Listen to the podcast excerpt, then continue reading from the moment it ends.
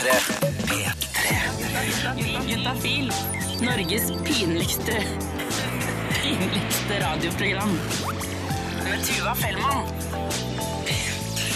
Ofte så hører jeg folk snakke om drømmemannen eller drømmekvinnen.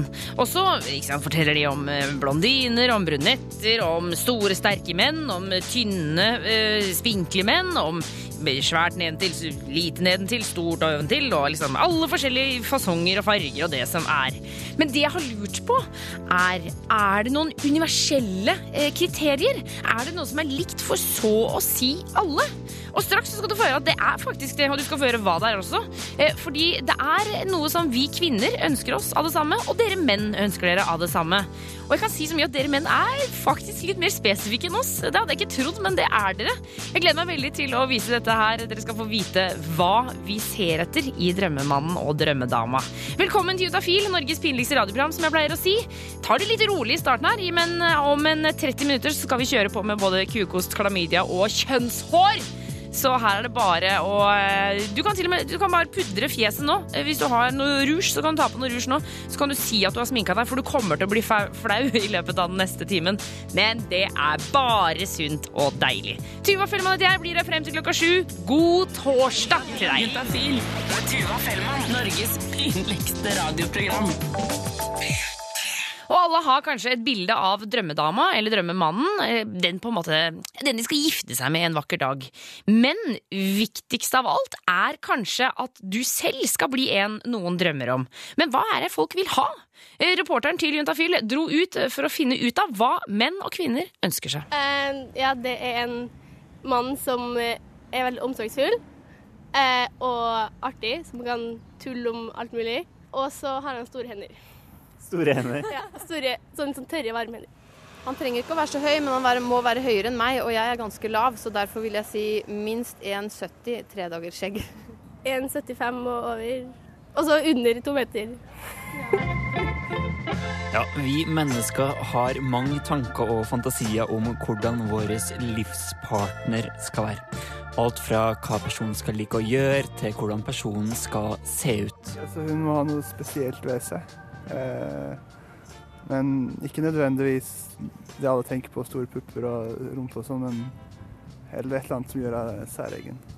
Det er måten du smiler på, kanskje. Det mest altså, brunette på utseendet, kanskje. Eh, men så, hvis du skal tenke hvor gammel er den? Under eh, 30 i hvert fall, da. Hvor gammel er du? Jeg er 17. Så helst mye yngre enn 30. Men eldre enn deg, da? eller? Eh, ja.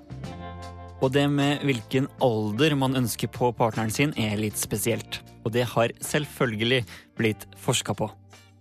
Enkelt spørsmål, men ekstremt vanskelig å svare på. Trond-Viggo Grøntvedt har doktorgrad i evolusjonspsykologi ved NTNU, og han har spurt over 1000 stykker om hvor gammel drømmedama og drømmemannen skal være. Så Det var liksom utgangspunktet for studien vår. da. At vi ville se på at har det noe å si for folk. Og det virker det som det har, for de, veldig, veldig mange var ganske bestemt når de oppga hvor gammel de ønska at partner var. På min alder. 24. Uh, like gammel til fem år eldre, cirka. Og det at kvinner vil ha litt eldre menn, det er helt typisk. Nei, man tenker vel at de er liksom mer voksen og mer eh, mandig. Men selv om man har muligheten til å velge eh, folk som er like gamle som seg når man er student, for eksempel, så har man jo bare omringa folk som er nesten like gamle. Og det ser ut som man tross alt, i hvert fall kvinner, velger eldre partner. Og det ønsker de seg, og ser ut som de ønsker seg kanskje at den, selv om han er eldre enn den de er sammen med, så skulle de ønske at han hadde vært enda litt eldre. Og det kan jo ha litt med modning å gjøre, men den preferansen for litt eldre menn er ekstremt stabil for damer. Altså det er en jevnt tre år eldre enn er uavhengig av deres egen alder, så ønsker han seg en partner som er tre år eldre. Og det var egentlig ganske overraskende at vi fant et såpass klart mønster. Jeg vil ikke være den som eh, har levd lengst og har mest erfaring, i hvert fall. Både spennende og tryggere på samme tid, på en måte. Eller sånn hvis man er eldre, så tenker man at de har erfaring og Jeg vet ikke hvorfor, egentlig. Det bare er sånn. Ja, det bare er sånn. Ja. Det er kjemperart. Det bare er sånn. Og hvorfor det er sånn, det- skal vi straks få vite, og ikke minst eh, hvilken alder menn aller helst vil at damene skal være. Men før det eh, så skal vi til Nico og Vince, som er eh, to av de som står på scenen på lørdag på Rådhusplassen, VG-lista Topp 20. Her er In Your Arms, du hører på Juntafil på NRK P3. Juntafil. Med Tuva Fellmann. Nico og In Your Arms. Og før den låta så hørte vi at kvinner ønsker seg menn som er litt eldre enn seg selv. Men hvorfor er det egentlig sånn?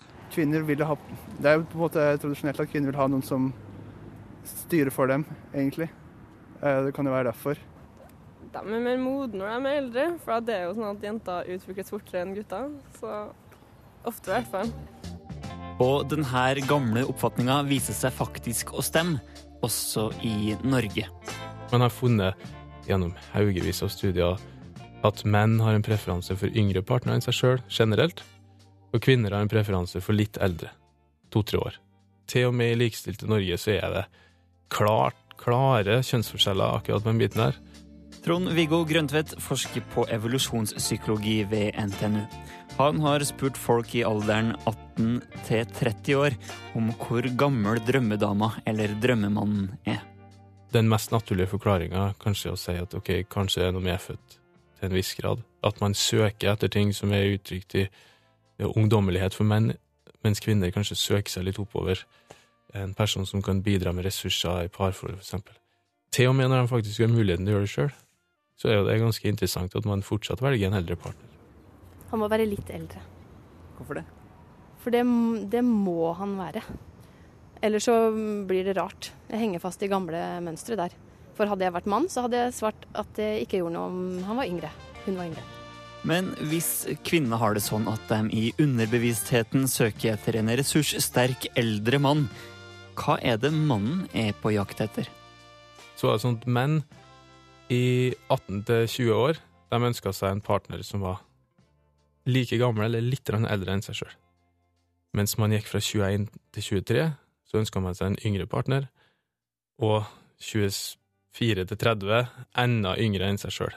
Så det så ut som menn sin partnerpreferanse var mer knytta til alderen 21 for partneren.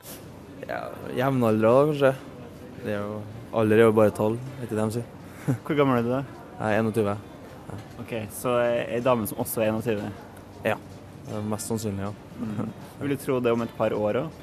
Nei, jeg vil, lyve hvis jeg vil si ja, kanskje, for at uh, Blir vel kanskje en liten griskall, da. Men hvorfor er det 21 år?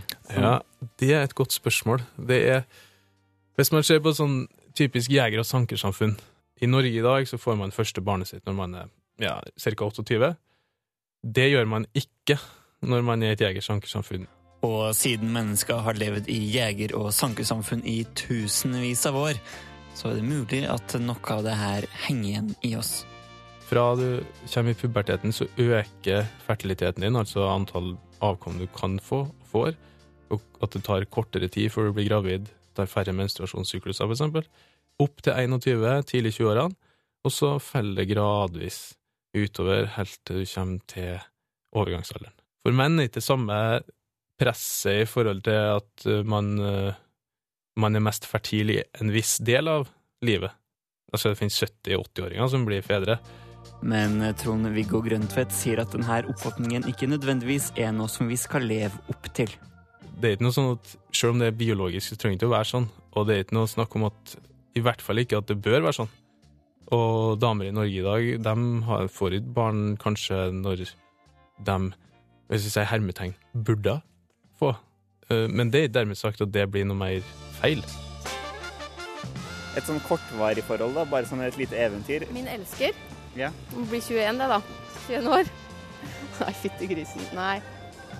Da vil jeg si Da vil jeg runde oppover, jeg. Da vil jeg ha en på 50. Og reporter her var Remi Horgard. Eh, og vi har fått en SMS her til 1987 kodeord juntafil. Drømmedamen er hun som kan innrømme at hun ikke er perfekt, eh, og er selv den hun vil være. Så det er jeg enig i, da. P3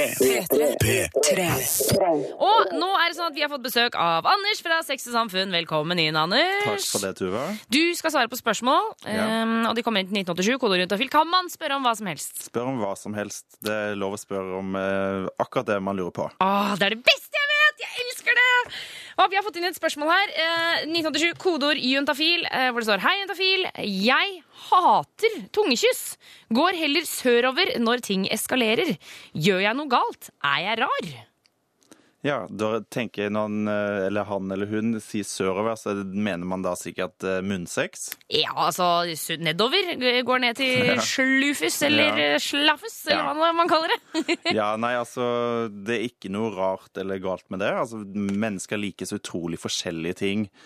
Noen liker å kysse masse, noen liker masse munnsex. Mm. Så der er man så forskjellig, så det er ikke noe fasit. Ja, fordi jeg ble litt sånn Jeg skjønte ikke problemet her. Er ikke det bare helt toppa? Si, hvis jeg nå, nå går jeg ut ifra at dette er en gutt. Nå bare tar jeg høyde for det. regner jeg med Ja. det. Eh, Altså, jeg, eh, Er ikke det bare kjempedeilig for jenta? At da får hun masse oralsex? da Det er jo midt i blinken. Ja. Hvis da ikke denne jenta er veldig glad i å kysse, da. Ja, sånn ja. ja. For det kan jo også være at, man, at hun har lyst til å kysse masse, og han har bare lyst til å Ja. slafse.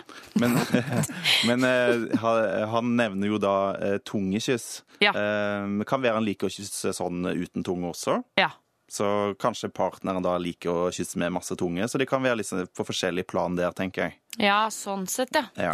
Men det er jo litt sånn rart i, i forhold, eller i relasjoner, da, hvis jeg kan kalle det det. At eh, liksom Altså, sex og sånne ting er jo litt sånn gi og ta, men samtidig så er vi jo veldig tydelige på at ting du ikke har lyst til å gjøre, det skal du ikke gjøre. Ja. Så hvis man ikke har lyst til å kysse med tunge, så drit i det, da. Ja. Tenker jeg, altså, Man kan jo ikke tvinge noen til å gjøre noe de ikke vil. Nei. Og noen eh, liker å kysse med masse tunge. Eh, Noen syns bare det er ekkelt. Så der er man jo også veldig ulike, da. Ja. Vi hadde jo om dette her Forrige uke da hadde vi jo panelet på besøk eh, som sa at eh, Vi lagde oss en liten regel. da Hvis mm. tunga går over leppene til eh, partner, Ja. da er du på feil grunn. Ja, da er det feil. Ja. Hold deg innenfor partners lepper. Ikke sant? Men, men leppene dine kan sikkert være litt over leppene til eh, kjæresten eller den du kliner med. Ja. Men tunga skal ikke ut av på deg. Nei. Det er sånn grunnregel. Skjønner. Det var ikke så verst, syns jeg. jeg. var ganske fornøyd med den sjøl. Ja. Vi skal svare på flere spørsmål eh, straks her på P3. Send inn til 1987 kodeord juntafil. Spør om hva du vil når det kommer til sex, kropp og følelser. Ingen spørsmål er for dumme, det er, og ingen er for rare. Det er det som er så deilig. 1987 kodeord juntafil. Eh, Anders, eh, du jobber jo i Sex og Samfunn. Det er en gratisklinikk i Oslo. Stemmer. Eh, men på torsdager så er dere her og svarer på spørsmål. Ja, det er vi. Jeg tenkte vi skulle få med oss to stykker her nå. Eh, Det er en eh, fra jente 17, eh, hvor det står Kan man bli gravid når man bare roter med hverandre? Altså fingring og runking. Altså For at en jente skal bli gravid, så må hun få sæd opp i skjeden. Ja. Og det får man veldig sjelden av eh, fingring eller runking. Eh, det eneste muligheten da er på en måte om det skulle være sæd på fingrene når man fører de opp i skjeden, f.eks. Men det er liten sannsynlighet. Ja, altså Han kommer eksempel i hånda si, og så fingrene etterpå. Men Ja. da må man også være ganske kjapp, må man ikke det? Da må man være kjapp, for sædcellene dør eh, relativt kjapt på utsiden av kroppen. Ja. Så da er det svaret er eh, nei, jente 17. Ja, ikke vær så redd for det. Nei. Og så har vi fått inn en annen SMS her. Denne, den er jeg spent på.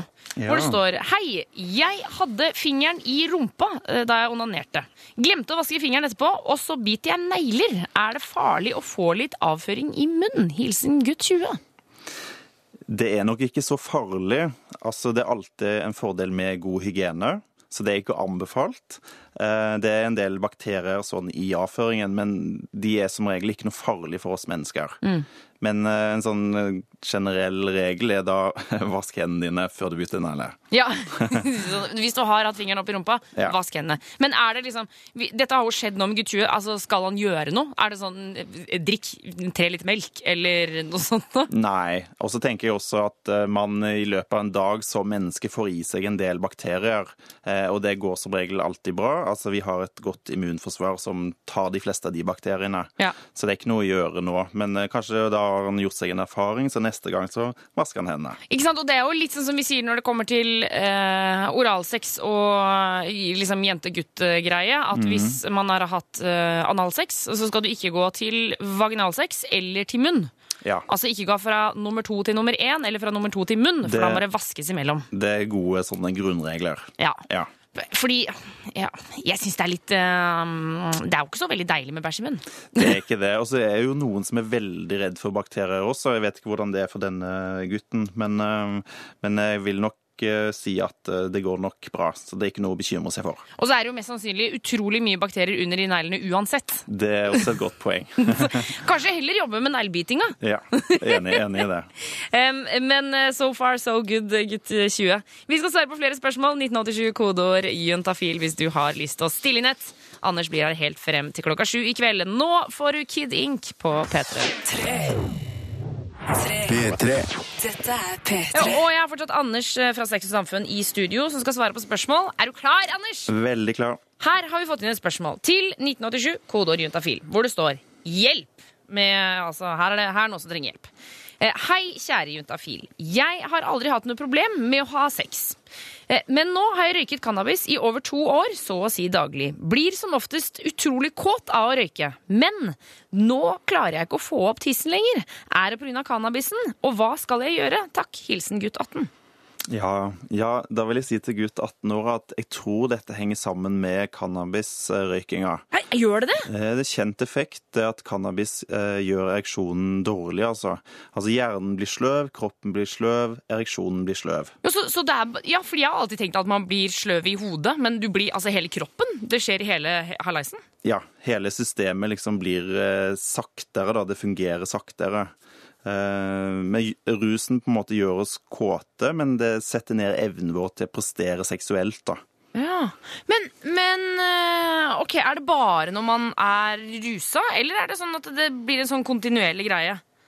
Eh, altså Det er jo i kroppen en ganske god stund. Mm. Um, så hvis Jeg vet jo ikke hvor mye denne gutten her røyker. Han sier hvis- at det er så å si daglig. Ja, det, ja, nei, da er det i systemet hans uh, hele tiden. Så da er nok Jeg vil tro det er grunnen til at ereksjonen er dårlig, altså. Men, men ok, eh, altså vi burde jo sikkert si masse greier om at det ikke er lov å røyke cannabis, og det er narkotika, og det er ikke noe bra, men jeg er Mhm. mer opptatt av sexen og sånne ting, så sant, jeg velger å la det ligge. Men nå har jeg sagt det. Ja. Eh, Men, men kommer det til å komme tilbake hvis han slutter å røyke nå? Mest sannsynligvis uh, gjør det det, ja. Så hvis han enten oh, ja, okay. velger å slutte eller redusere, så kommer da eh, ereksjonen til å fungere fint i løpet av eh, en ganske kort stund, vil jeg tro. Men tror du, hvis man tar altså fordi det, altså Cannabis er jo et sløvende dop. Altså, mm. Eller i hvert fall typer cannabis. da. Mm. Tror du, altså, tror du det er motsatt effekt med såkalte oppdop? Altså sånn speed og sånne ting? At da får man bare sånn superbenderen og bare løper rundt? Ja, det, det har nok den motsatte effekten der på det. Cannabis gjør sløv, men eh, man da blir mer speeda av, av andre ting. Ja, men Og da eh, hardere også? Tror du? Eh, nei, det vet jeg sannelig ikke. Fordi- Kanskje. Det kan jo hende. Det kan hende. Altså, her, Nå er det bare vi som er Nå er vi ute på litt tynn is her. synse litt. Ok. Men så gutt 18, hvis du slutter å røyke hasj, så kommer det mest sannsynlig tilbake. Da kommer ereksjonen tilbake. Mm. Har du noen tanker om hva, hva annet som skjer med kroppen hvis man røyker hasj eller, liksom, hver eneste dag? Er det andre ting som, som man mister? Altså, man får jo eh, litt mindre Altså, evnen til å, å få kunnskap blir dårligere, for eksempel, fordi hjernen er konstant da, litt sånn nedsløv, nedsløva, da. Ja, Og det å ta til seg ny kunnskap, ja. Ja. Ikke sant? Så man, ja, man blir rett og slett eh, litt treigere. Ja. OK, eh, Påsan. Det høres ut som at Mm. eh, her er det bare å eh, kutte hasjen og cannabisen, sånn at du kan begynne å få den opp igjen. For Ja. det vil vi jo ha. Kan Yes. ha sex. Eh, og vi har fortsatt besøk av Anders fra Sex og Samfunn. Er du klar for et spørsmål til, eller, Anders? Veldig, veldig klar. Ah, I dag syns jeg det er så Mm. gøy med spørsmål! 1987 kodeord juntafil hvis du har lyst til å spørre om noe om sex, kropp og følelser. Her er det eh, en SMS som har kommet inn. Er eh, kjønnshår trendy om dagen for gutter og jenter? Og er det mer hygienisk med eller uten? Vi starter med trendy, kanskje. Ja, det har jo vært en ganske lang periode nå hvor det har vært populært for både gutter og jenter eh, å enten kanskje barbere seg eller shave ned håret, klippe, trimme det. Ja. Eh, De fleste av de som kommer til Sex og Samfunn-klinikken vår, eh, de stusser i alle fall, eller fjerner en del av, av kjønnshåret. Ja, fordi altså, man, man har jo snakka noe altså, lest noen sånne amerikanske artikler om at mm. flatlus er på vei til å bli utrydda og sånn, fordi de ikke har noe hår å bo i lenger. Ja, Vi ser nesten aldri flatlus blant unge nordmenn lenger, så det er veldig interessant, da. Ja, ja, sånn sett er man jo på vei til å utrydde noe, Ikke noe rare greier. Men, men er, har trenden snudd seg litt, eller? Ja, i dag leste jeg faktisk at eh, det er sånn trendting at unge jenter legger ut bilder på sosiale medier, hvor de da viser at de har hårete armhule, eksempel. Ja. Så det kan godt være at vi kommer inn i en ny tid nå hvor man skal være mer naturlig og hårete. Ja, fordi altså men, jeg, jeg føler at man har hørt noe sånn om fransk mote, og, er sånn, og da har du litt Mm. hår under armene. Og, og jeg har også hørt at det er blitt mer populært med eh, pornofilmer hvor jentene er helt naturlige. Ja. Hvor, det er liksom, hvor det er rett og slett busk. Ja, jeg tror det er en ny trend som kommer. Du kan tenke det også på 1960-70-tallet med sånn hippietiden. Ja. Da skulle alle være helt sånn naturlige. Både gutter og jenter skulle ha kroppshår. da. Eh, Så det går litt sånn i bølgedaler, og det kan godt være vi får en ny periode nå med, med sånn Idealet er å ha hår, da. Ja. Eh, Men også samtidig så tenker jeg at nå har vi kommet såpass langt i dette kjønnshårgreiene at jeg tror det er en del av befolkningen som aldri kommer til å snu.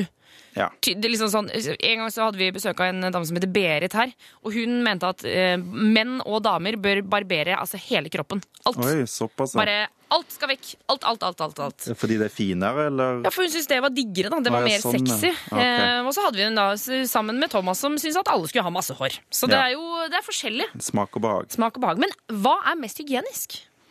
Ja, altså Vi har jo hår der av en grunn. Eh, og håret har hatt som funksjon eh, at det skal gi beskyttelse, det skal hindre at huden gnis mot hverandre, f.eks. Eh, og gi varme og sånn, men etter hvert som vi mennesker har utvikla oss, så trenger vi egentlig mindre og mindre hår, og da har også kroppshåret Da blir mindre og mindre kroppshår, da.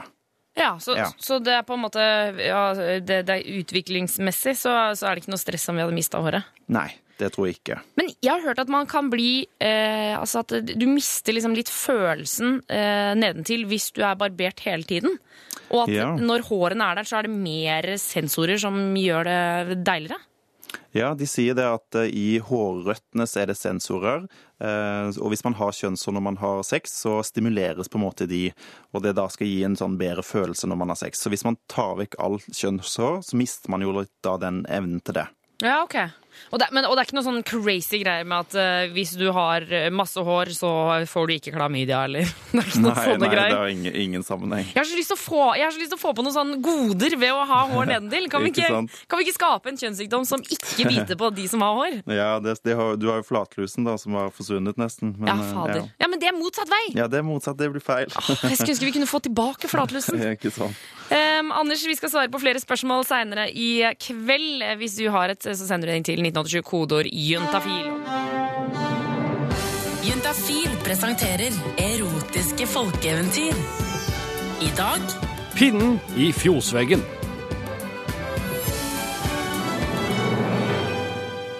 Det var ei jente som var så redd gutene.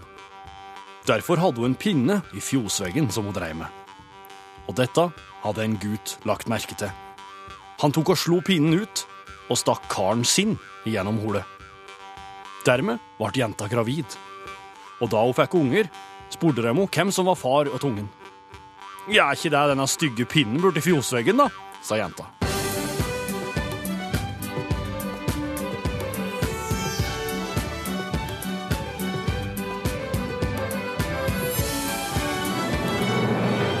Eh, inne og eh, sjekka Twitter-kontoen til, til Juntafil. Der er det jo alltid eh, mye snacks.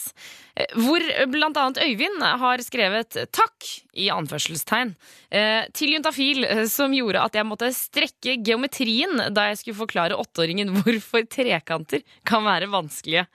Jeg, jeg ser den. Eh, Og så er det Jens Egil som har skrevet DAB-radio er ikke alltid en fordel når programmet du hører på er juntafil. Hashtag flau. For da har han tatt bilde av DAB-radioen sin, eh, og hvis jeg skriver inn hva det skal handle om der, så kommer jo det opp på DAB-radioen. Så er det bilde av radioen hans eh, hvor det står med store bokstaver 'Hvilke stillinger er best'. Så eh, nå skrev jeg, for deg som har DAB-radio, så skrev jeg juntafil er digg, for det mener jeg at det er. Jeg syns det er kjempedeilig, ja. og jeg tror det er bra å snakke om sex, kropp og følelser. Straks så skal vi eh, innom livet til Linn, som vi har fulgt her en stund i Juntafil, som er altså i gang med sitt fjerde svangerskap, og nå er det bekkenløsning. P3. Dette er P3. Og du hører på Juntafil her på P3, og hver uke så hører vi fra Linn, som er gravid. Og akkurat nå så er hun 26 uker på vei. Det er altså 100 dager igjen til fødsel. Og hun har fått nettopp det alle gravide snakker om, nemlig bekkenløsning. For inni magen til Linn så er det jo en baby som bare blir større og større. Den er jo eh, 1000 gram cirka. Begynner å bli litt stor. Den har fått øyevipper. Eh, og så har hun eh, Hun suger i hvert fall ofte på tommelen. Så det har hun begynt med. Inni Linn sin mage så ligger altså en omtrent ett kilo stor baby og suger på tommelen sin og vifter med øyevippene sine. Men uansett hvor søt den beskrivelsen høres ut, så har den lille dama inni magen begynt å gjøre livet ganske surt for mamma. Og så har jeg jo fått uh, bekkenløsning. Og det var jo kjedelig. Hadde jo håpet jeg skulle slippe unna. Og for min del så er det sånn at jeg alltid hører gravide folk klage over bekkenløsning, men jeg har egentlig aldri skjønt helt hva det er. Heldigvis så kan Linn som er sykepleier forklare akkurat hva det er som skjer rundt hoftene hennes nå. Det er bekkenet som rett og slett uh, løsner. Beinet skal på en måte gjøre seg litt klar for fødsel og, og, og det å ha en unge inni der. Da. Nøyaktig hva som sklir fra hverandre når gravide damer har bekkenløsning, det er de nederste ryggvirvlene, eh, korsbeinet, halebeinet, noe som heter kjønnsbeinet, og skambeinet, som er det beinet som på en måte ligger under tissen. Og så møtes det der nede ved skambeinet, og det, for min del, så er det, det er veldig vondt akkurat der. Eh, sånn som nå, så har det jo bare begynt med at det har vondt når jeg snur meg og våkner om natta av at det er vondt. Men det hele har heldigvis en stor fordel. For når du sliter med bekkenløsning, da må du egentlig bare sette deg pent ned og ta livet med ro. Heldigvis, husarbeid er ikke bra. Støvsuging er jo noe man må holde seg unna. For det er noe man gjør der som man ikke tenker over. Det er akkurat som å tenke på at, eh, at man skal stå på ski. Det er liksom det verste for bekkenet. At man beveger det fram og tilbake, for det blir gnisninger inni det som gjør at det hovner mer opp. De sier at uh, det er jo derfor man skal være forsiktig med trening. Altså tolv uker er jo Så er det anbefalt å ta det med ro. Det er veldig få som har noen problemer tolv uker etter, viser forskning. Og vi skal straks høre litt mer fra Linn, for hun har også fått en såkalt craving, da, som mange får. Og hva det er, får du vite rett etter Avicii. Og vi skal nå tilbake til Linn, som er gravid. Og vi skal høre om alle disse, eh, disse merkelige cravingsene som det virker som at alle gravide får. Og det Linn har veldig lyst på for tida, det er eh, Jordbær.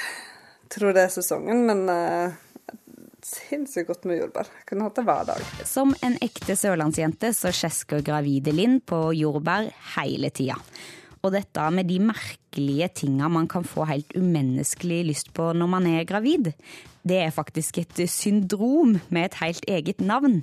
Og som sykepleier så har Linn full kontroll på hva det er. Det heter pika.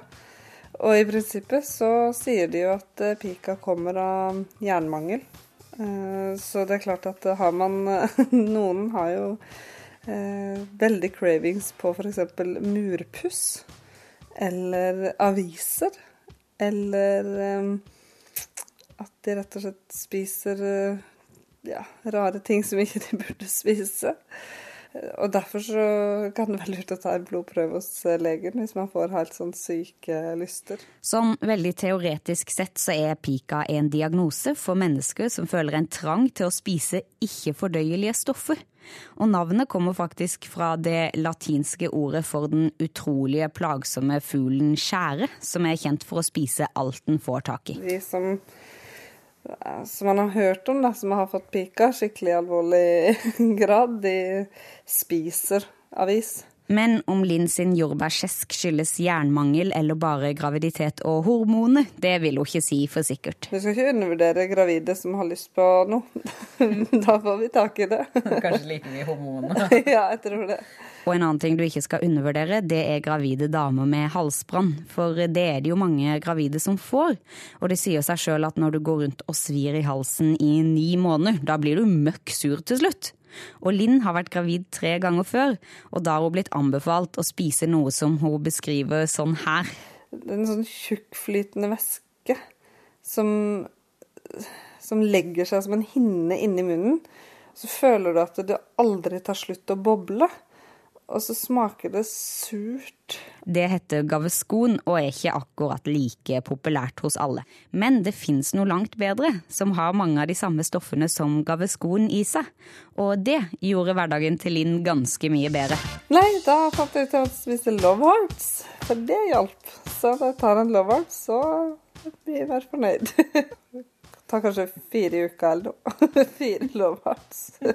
Men som sagt, du skal ikke undervurdere en gravid kvinne som har lyst på noe. Så Linn sitt tips for gravide kvinner med halsbrann er å alltid ha en pakke hjertedrops tilgjengelig. Har det på nattbordet, har det i bilen, har det i stua, har det på badet, har det på kjøkkenet. Ungene får ikke. Høres ut som en god plan. Reporter her er Grete Husebø. Neste uke skal vi også høre mer fra Linn. Eh, Jeg har fått besøk av Anders fra Sex og Samfunn. Du er tilbake i studio. Velkommen inn igjen. Takk, takk, takk. Eh, Sex og Samfunn det er en gratisklinikk som ligger i Oslo. Ja. Eh, Men vi deler dere med resten av landet, for det er ikke bare Oslo som skal få, si! Ja, Alle skal få. Alle skal få. det stemmer. 1987 kodeorientafil hvis du har eh, et spørsmål. Eh, vi har fått inn en fra en svensk jente her. Eh, og svensker må få lov til å stille spørsmål, de også. Mhm. Jeg er svensk statsborger sjøl, så her, stiller her, er, her er jeg med. Em, her står det Hei sann. Hvilket prevensjonsmidler avgir minst hormoner? Akkurat nå går jeg på p-stav, uh, men er ikke, helt, uh, altså er ikke helt fornøyd. Vil heller ikke ha kopperspiral, eller altså kobberspiral. Um, har problemer med hormonsvingninger. Det var vanskelig å oversette her. Takk, skriver hun. Så hva, hva tenker du her, da? Ja, altså de, de ulike prevensjonsmidlene de inneholder egentlig ganske lik mengde hormoner. Men det er så individuelt hvilke prevensjonsmidler som fungerer for den enkelte. Ja, for da er, det da forskjellige typer hormoner, eller hvordan, liksom, hvordan blir det forskjell fra person til person? Ja, altså Noen eh, prevensjonsmidler har det som heter østrogen. Eh, det er et hormon som da også gir beskyttelse mot graviditet. Noen har det som heter gestagen. Så det er litt sånn forskjell der. Ja, okay. Eh, vi har en del unge jenter som kommer til Sex og Samfunn, som f.eks. får humørsvingninger av p-piller. Eh, de hopper over til hormonspiral f.eks. og blir kjempefornøyd med det, og opplever at humørsvingningene da forsvinner. Ok, så, så hormonspiral det er ikke det samme som kobberspiral? Nei, hormonspiral eh, inneholder hormoner da, som beskytter mot eh, graviditet, mens kobberspiral inneholder da kobber eh, som beskytter også. Men jeg, jeg tenker på kobber sånn som man bruker i takrennet på trehuset. Ja, men det er samme kobberet. Hæ, kødder du? Ja, er det kobber? Ja, det er kobber. Eh, om det er akkurat det samme som er i takrennet, det vet jeg ikke. Men eh, det, det, det samme greia. Det ville vært rart hvis, hvis man kunne liksom bare rive en bit av takrennet og så stappe den opp og tenke sånn Ja, ja, nå ble jeg ikke gravid nå. Ikke anbefalt. Flaks at jeg har noe kobber. Yes. Eh, ok, så hormonspiral er et godt alternativ. Hva med p-ring og sånne ting? Hva Er det noe å bytte til? Veldig mange jenter som er fornøyd med, med p-ring, f.eks. Um, Kjapt, hvordan funker det egentlig? Det er en sånn myk uh, gummiring som man da uh, skyver opp i, i skjeden, Uh, og der kan den være i tre uker. Um, og da beskytte mot graviditet. Da går da hormonene inn da gjennom slimhinna og ut i kroppen. da. Men jeg har et spørsmål, Anders. Mm. Fordi, altså Er det bare å hoppe fra det ene til det andre når det kommer til prevensjon? Altså Kan man bare, ja, ja, bare bytte så mye man vil, eller er det dårlig for kroppen? Eh, nei, altså hvis man er fornøyd med et prevensjonsmiddel, så er det bra å ikke bytte. Eh, Men hvis man får masse bivirkninger, f.eks. humørsvingninger, så er det anbefalt eh, å bytte. Men det tar ofte litt tid før kroppen venner seg til eh, hormonene. Sånn at hvis man begynner da på p-ring, så er det fint å prøve det en periode, selv om man får litt bivirkninger. Ok, Så de jenter 21 her, så kan det hende altså, nå, nå, nå står det ikke noe om når hun har satt inn p-staven, men Mm. hvis den er satt inn for uh, fire uker siden, så kan det hende at hun må, må rett og slett prøve det i, i to måneder til? Ja, og da opplever ganske mange at det stabiliserer seg og, og blir bedre. Så det tar litt tid for kroppen å venne seg til uh, disse hormonene, da. Men også er det jo dette med sånn uregelmessige blødninger og sånn, for det er det jo mange som får. Mm. Er det noe oversikt om hvilke som gir det, og hvilke som ikke gir det? Nei, det er f.eks. gestagenhormonpreparater, som man kaller det. da. F.eks. p-stav eller en eh, p-pille som heter Ceracet, Mhm. eh, som gir høyere risiko for å få disse mellomblødningene. Så da kan man eventuelt gå over på en sånn vanlig, tradisjonell p-pille hvis man ønsker bedre blødningskontroll, som man kaller det. Ok. Um, Jente21, masse lykke til med dette. Her er det jo bare å jobbe seg gjennom eh, de medisinske navnene, holdt jeg på å si, Ja. og finne det som passer en selv.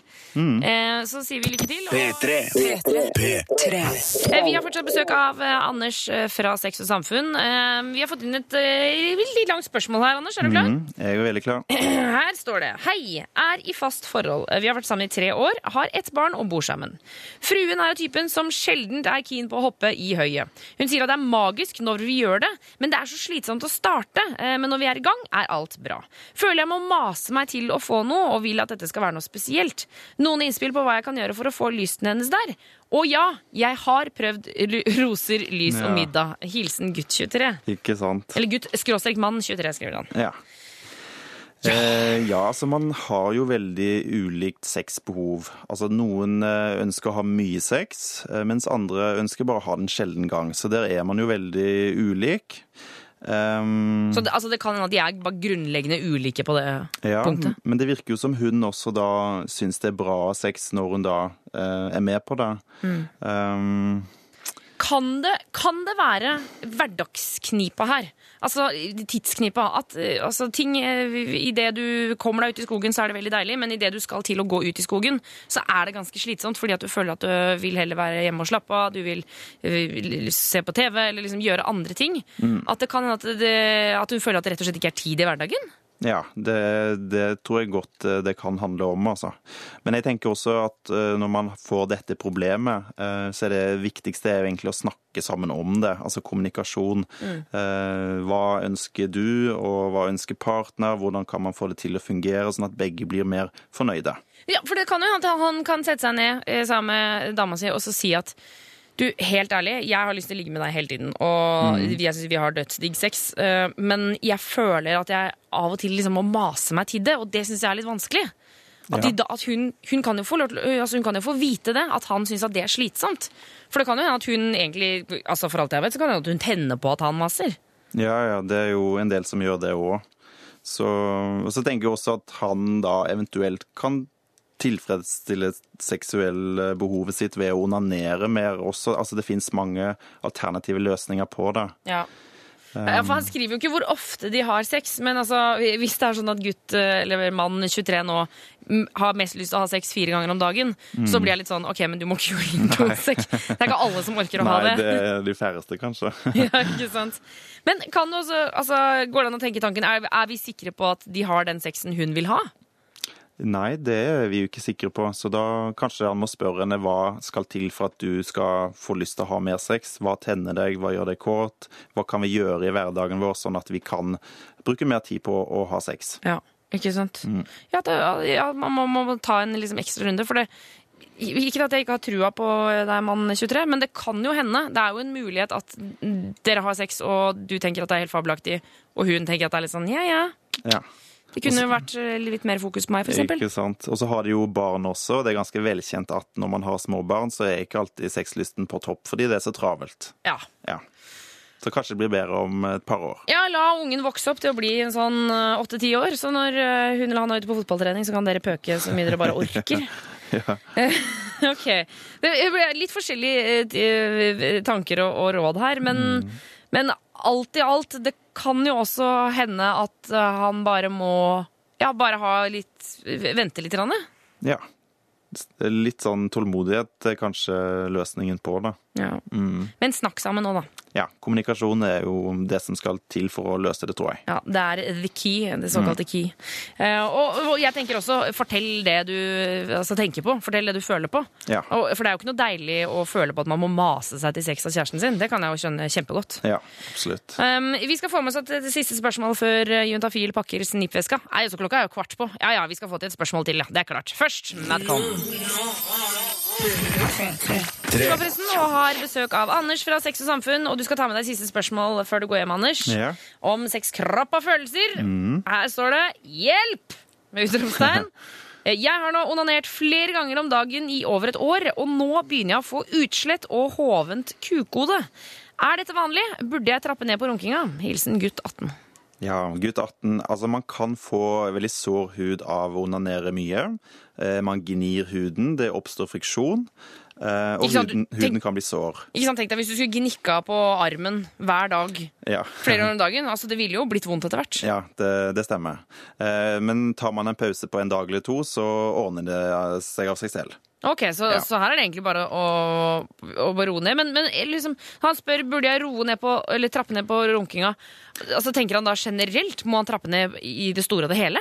Nei, for jeg tenker egentlig det at han kanskje eh, bruker Altså når gutter onanerer, så har de ofte da hånda rundt penis. Mm. Eh, kanskje han skulle bruke et litt sånn løsere grep. Eh, se om man kan stimulere litt andre områder på penis. Eh, og ikke gjøre det så hardt nødvendigvis. Eh, og så kan man også f.eks. bruke litt eh, babyolje i hånda. Ja. Eh, for da blir det mer en sånn glidende følelse og mer skånsomt mot huden. Ja, du kan, altså, du kan bruke glidemiddel, rett og slett. Ja, ja, absolutt. Det kan man også gjøre. Ja, nettopp. Og så sier mange også at det føles ut mer som et sånn ordentlig samleie. Så får man en litt annen type opplevelse også når man onanerer. Ikke sant. Fordi det er jo en ting eh, altså Onani har vi snakka mye om her i Jentafil. Mm. Eh, Og jeg husker vi blant annet hadde besøk av Betty Dodson, som er sånn orgasmeguru Ja, for ja. Og hun sa at eh, for, eh, både for gutter og for jenter, men da var hun jo spesielt på jenter, da, at å ha liksom å onanere uten noe lubrication, som hun kaller det, Ja. det er jo altså det, Da må du jobbe hardt. ja. Det er en mye mer behagelig følelse ofte å ha på eh, noe smøring, da, holdt jeg på å si. Ta på noe smøring, sånn som motor. De må ha olje, de også. Ja, ja, godt, godt bilde. Ja, ok. Så eh, til gutt 18, du trenger ikke nødvendigvis å trappe ned, men ta en dags pause, kanskje. Eller to. Mm. Og så begynne å bruke litt glidemiddel. eh, Ta, ta litt eh, slappere tak. Ja. Eh, Og kanskje kan man, kan man ta noe frukt eller noe sånt? Eh, ja, det har jeg Det hørt kan hende at man blir- kan gjøre. Ja, noe sånn hva, altså Honningmelon, for eksempel. Kanskje man kan skjære noe hull der og ta den inn og ut? Ja, det går også an. Altså, her- Altså, Så lenge det ikke er vondt og ikke er skadelig, så er det bare å, å forsøke hvis man vil det. Ikke sant, Her er mulighetene mange. Mm. Eh, Anders fra Sex og Samfunn, tusen takk for at du kom innom Juntafil i dag. Det er veldig fint å være her. Eh, og du kan jo lese mer om sex og samfunn eh, på sexogsamfunn.no. Og så har jeg også lagt ut en eh, sak som du har skrevet, Anders, på Facebooken til Juntafil. Ja. Eh, hvor du sier at eh, man bør utforske og teste mer når det kommer til grenser om sex, kropp og følelser. Det er ikke verst. Viktig å teste ut litt og, og prøve seg fram. Ah, det liker jeg å høre, vet du. Ha en deilig dag videre, Anders. Du òg. Eh, og så kan du også da gå inn på eh, Facebook-siden til Juntafil og lese om dette her. Hør flere podkaster på nrk.no podkast. P3.